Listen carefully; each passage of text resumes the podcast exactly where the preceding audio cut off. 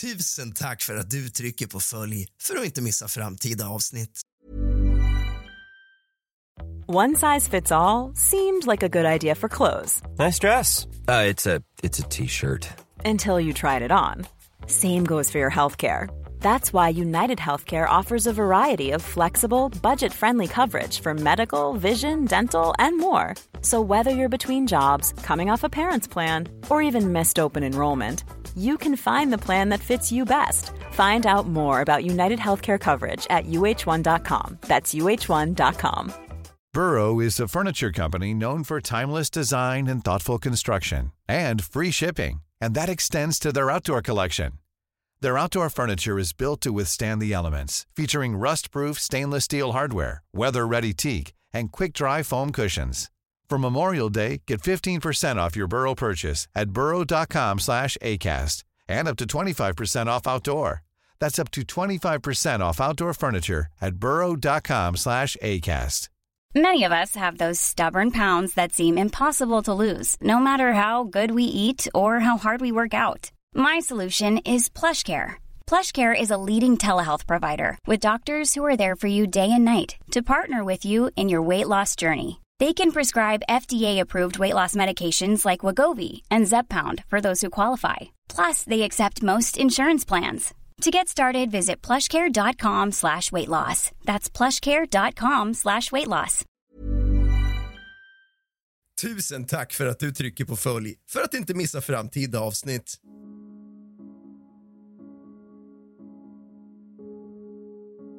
God afton allesammans och kallt välkommen tillbaka ska just du vara till kusligt, rysligt och mysigt.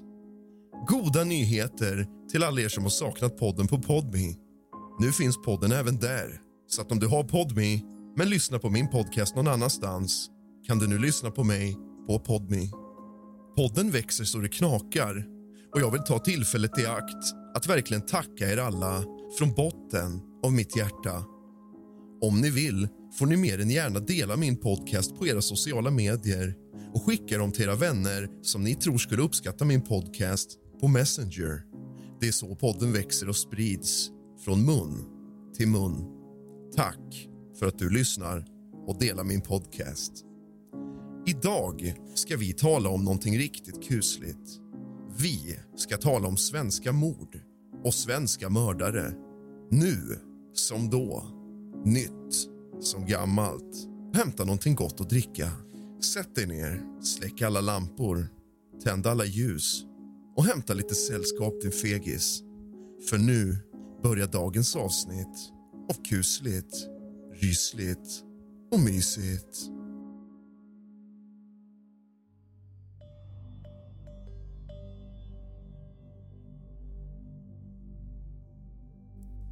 Axel Emil Nerman, född den 11 september 1868 i Bäckseda församling. Död 1 juni 1931 på Uppsala hospital var en svensk student som i sinnesförvirrat tillstånd stack ihjäl sjuksköterskan Ella von Dyben i Gränna den 5 maj 1901. Nerman var son till kronofogden Carl Gustav Nerman och Johanna Carolina Wickborn. Han studerade vid Växjö högre allmänna läroverk från 1885 och avlade studentexamen 1889 varefter han i september samma år skrevs in vid Lunds universitet och Smålands nation för att studera juridik. Hans avsikt var att avlägga hovrättsexamen och han avlade juridisk preliminärexamen 14 maj 1890. Därefter tycks dock hans studier ha kört fast. Något som i kombination med faderns snålhet och en böjelse för religiösa grubblerier ledde till att hans psykiska hälsa förföll. 1893 fick han ett så kallat Anfall av våldsamhet. med förstörelsemani och tvingades därför avbryta sina studier varefter han vistades på ett antal olika privata vårdanstalter. 1901 vårdades Nerman på friärinnan Augusta von Dybens vårdanstalt i Gränna. Då han en dag kände att ett våldsutbrott var nära hade han på egen begäran belagts med fotbojor och dessutom bundits fast i sin säng med lakanet. Två män hade avledats för att vakta honom. Den 5 maj 1901 var emellertid en söndag och vakterna, som var klokare var därför tvungna att avlägsna sig från att ringa i kyrkklockorna vid gudstjänsten.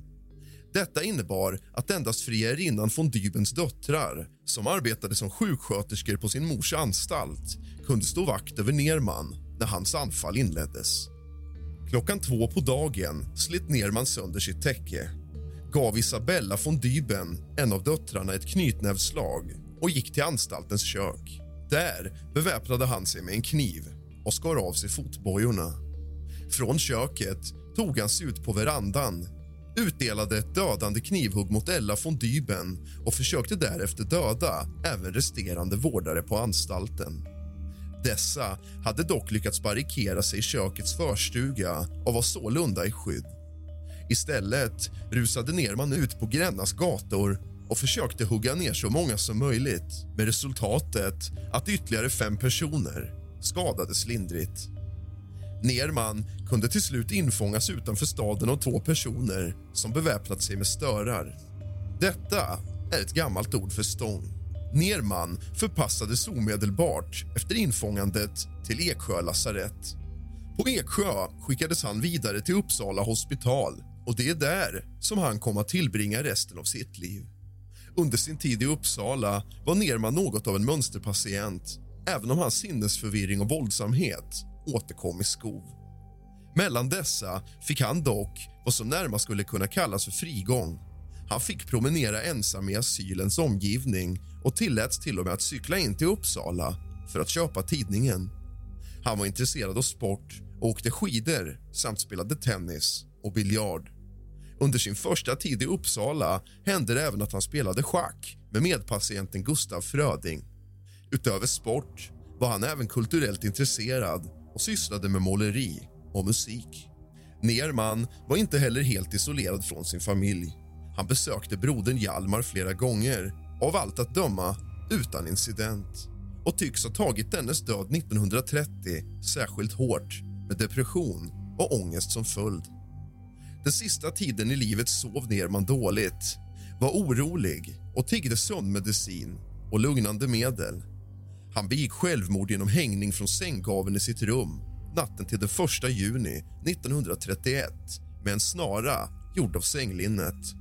Nerman begravdes på Uppsala gamla kyrkogård.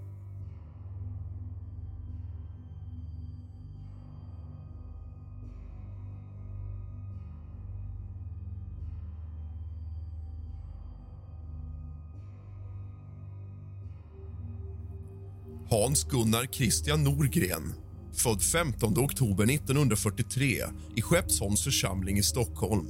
Död 31 mars 2017 i Nyköpings Sankt Nikolai distrikt i Sörmlands län. Han var en svensk mördare som blev rikskänd 1966 när han greps och dömdes för mordet på polis Ragnar Sandahl. Norgren var i sammanhanget ute på en brottsräd tillsammans med kumpanen Clark Olofsson som jag tidigare har gjort ett helt avsnitt om. Han dömdes till lagens strängaste straff men rymde från fängelset i Västervik två år senare.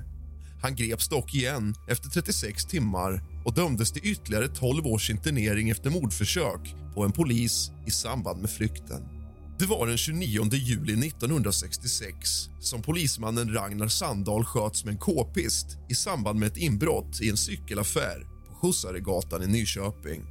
Mördaren hette Gunnar Norgren den andra inbrottstjuven var Clark Olofsson som i och med händelsen inledde sin bana som riksbekant brottsling. Norgren greps den 16 augusti i en lägenhet på Utåkersgatan 4 i Göteborgsstadsdelen Koltorp och erkände senare mordet. Lägenheten tillhörde en pojkvän till Clark Olofssons syster. Norgren gav sig först efter att polisen skjutit flera skott genom dörren till lägenheten.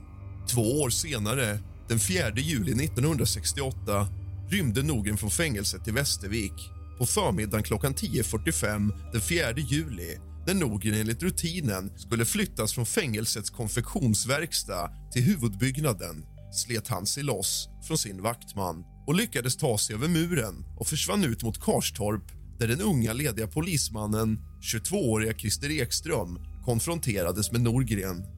Norgren drog fram en saxskänkel och högg Ekström allvarligt i mage och ansiktet. Knivattacken blev början på en intensiv jakt och 36 timmar efter rymningen greps Norgren på järnvägsspåret mellan Västervik och Almvik efter tips från allmänheten. Efter gripandet dömdes han vid Västerviks häradsrätt till ytterligare 12 års internering. De två och ett halvt år han avtjänat för mordet på polismannen i Nyköping fick han inte tillgodoräkna sig. Polisen Christer Ekström tillerkände skadestånd på 4 480 kronor. Norgren kom under många år att sitta i isoleringscell på Västerviks fasta paviljong.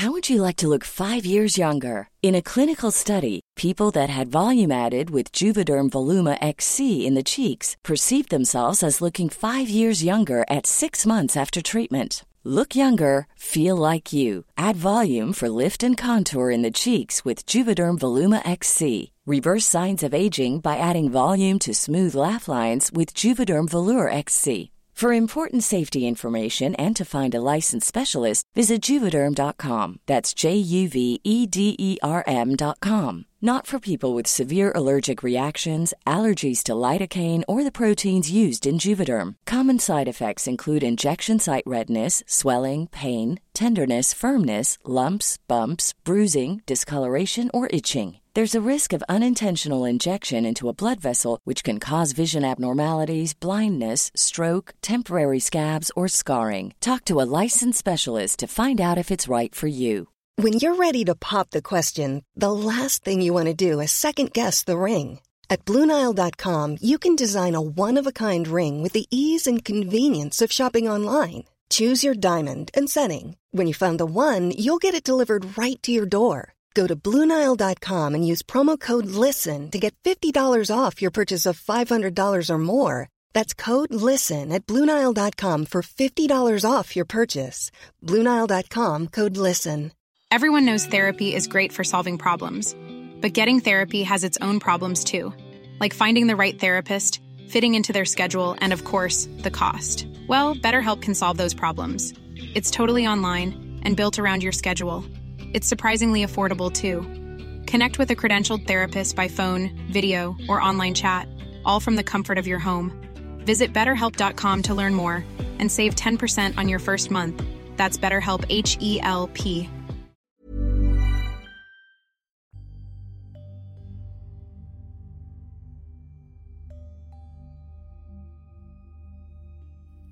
Adolf Hjalmar Wång, född 19 februari 1887 i Örebro Nikolaj.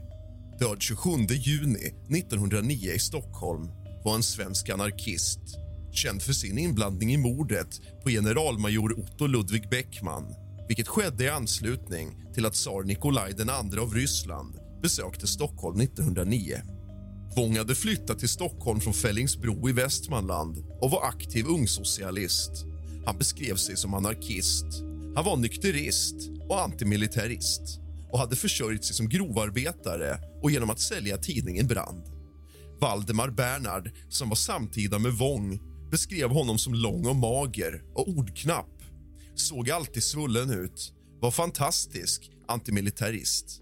Vi talade ofta om handlingens propaganda som han försvarade mot min kritik. När den blev bekant att tsaren skulle komma sa han Den borde man knäppa. Dagarna innan tsarens besök arresterades ett antal ryska medborgare som av polisen antogs planera attentat mot tsaren. Wong hade för flera bekanta och för sin familj talat om att ett stundande attentat mot tsaren skulle äga rum. Men istället kom han vid midnatt den 26 juni 1909 att skjuta mot chefen för kustartilleriet generalmajor Otto Ludwig Beckman och kommandören vid flottan, Per Dahlgren som tillsammans varit på Grand Hotel och intagit en supé. Skotten föll i Kungsträdgården, ungefär mitt för Thulebolagets hus. Generalmajor Bäckman träffades av ett skott i ryggen mellan skulderbladen och dog medan Dahlgren lyckades kasta sig undan och undvika två skott varmed den förbipasserande fältskärmsmästaren KP Levander träffades och blev lindrigt skadad i höften. Efter attentatet avlossade Wong ett skott mot sitt eget huvud vilket resulterade i att han blev dödligt sårad och avled dagen därpå. Wong hade tidigare samma år avtjänat ett fängelsestraff för värnpliktsvägran. I tidningen Brand hade Wong den 6 februari 1909 låtit publicera det brev som han låtit besvara sin inkallelse med.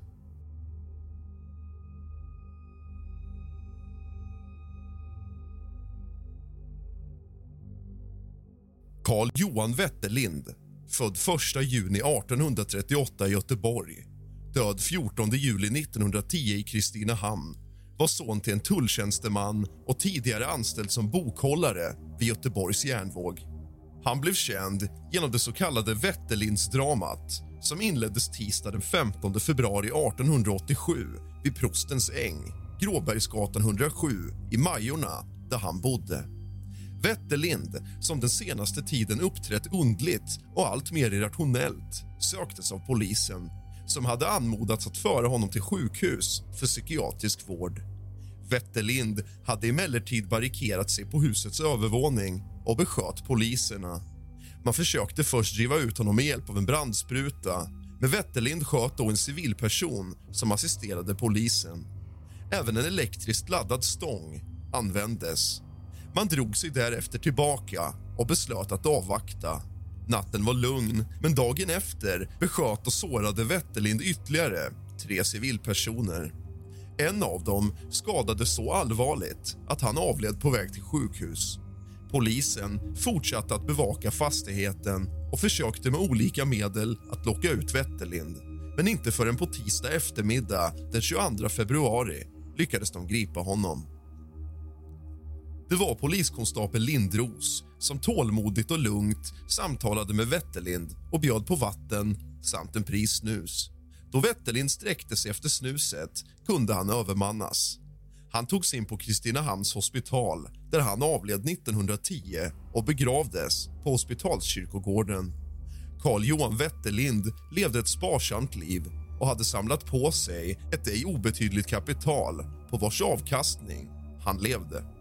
Fruktan för att någon ville komma åt hans pengar omfattande trakasserier från områdets kvinnor samt det faktum att han varit en passionerad jägare utgjorde olyckliga omständigheter.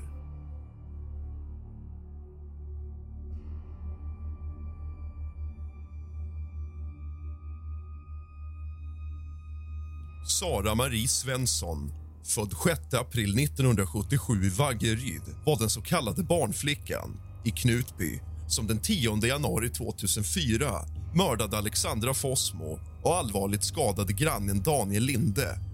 Detta skedde på anstiftan av pastor Helge Fossmo och utgjorde en del i det som kom att kallas Knutbydramat.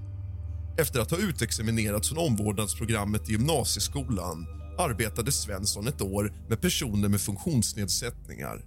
Året efter gick hon bibelskolan i livskraft i Aneby. Som praktik valde hon att vara i Knutby en månad. I oktober 1998 gick Svensson i Knutbyförsamlingens träningsskola och upplevde att Gud ville att hon skulle flytta dit. Hon gifte sig i september 2000 men flyttade i juni 2001 in hos Helge Fossmo. Den 8 november 2003 misshandlade hon Alexandra Fossmo men händelsen polisanmäldes inte. Hon fick istället lämna Knutby och åkte till sin far i Vaggeryd. Helge Fossmo fortsatte att ha tät kommunikation med henne. Han förmådde henne att köpa ett vapen vilket hon gjorde med hjälp av Farid Lamrani som kan ha varit polisinformatör. Fossmo dömdes för att ha påverkat Svensson att bege sig till Knutby den 10 januari 2004. Efter mordet åkte Svensson från Knutby mot Småland där hon, i Vrigsta i Sävsjö kommun kastade vapnets ljuddämpare i papperskorgen vid Vrigsta värdshus. Därefter fortsatte Svensson inom Småland för att från Ölandsbron kasta revolven i Kalmarsund där dykare senare fann den efter Svenssons anvisningar. Hon greps nästa dag, erkände mord och mordförsök men hävdade att ingen annan var inblandad. Teknisk bevisning i form av telefontrafik visade annat och två veckor senare greps Fossmo. Svensson vårdades på rättspsykiatriska regionskliniken i Vadstena och skrevs ut i december 2011. Efter utskrivningen vårdades hon i öppenvården och studerade textil vid Vadstena folkhögskola.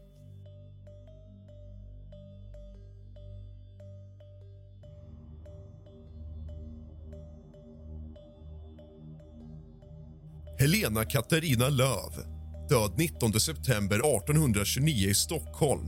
Hon var den sista kvinnan som avrättades offentligt i den svenska huvudstaden, dock ej i Sverige i övrigt. Löv arresterades misstänkt för mord. Hon befanns skyldig till mord och husbondens barn och dömdes till döden. Hon anrättades genom halshuggning med yxa på avrättningsplatsen Skanstull i Stockholm.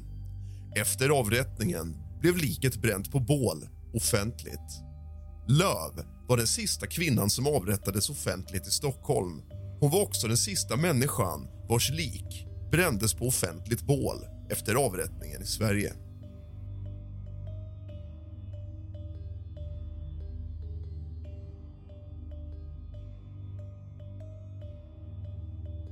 Olof Manfred Olle Möller född 20 april 1906 i Iron Mountain, Michigan, USA. Död 22 mars 1983 i Örebro. Han var en svensk idrottsman och potatishandlare som gått till svensk kriminalhistoria som huvudperson i två av Sveriges mest uppmärksammade mordfall. För båda brotten, som ägde rum med 20 års mellanrum 1939 och 1959 dömdes Möller på indicier och mot sitt nekande. I det första fallet fälldes Möller för våldtäktsförsök och misshandel med dödlig utgång av tioåriga Stockholmsflickan Gerd Johansson 1939 och i det andra för mord på den 34-åriga tvåbarnsmamman Rut Lind från Fjugesta 1959. Ett tredje fall inträffade sommaren 1955 då femåriga Kerstin Blom från Stockholm hittades mördad. Polisen anklagade återigen Möller, men för det brottet lyckades de inte få honom dömd. Olle Möller var trefaldig svensk mästare i terränglöpning och hade sex SM-tecken för fyramannalag i samma gren. Den 2 december 1939 anmäldes tioåriga Gerd Johansson saknad. Dagen innan hade hon försvunnit sen hon skilts från några kamrater vid Sankt Eriksplan i Stockholm och hennes föräldrar hade sökt efter henne hela natten. Den 8 december påträffades hennes kropp vid Lötsjön i Sundbyberg. Vid obduktionen konstaterades att hon blivit utsatt för sexuellt övergrepp och strypt på kvällen. Detta samma dag som hon försvann.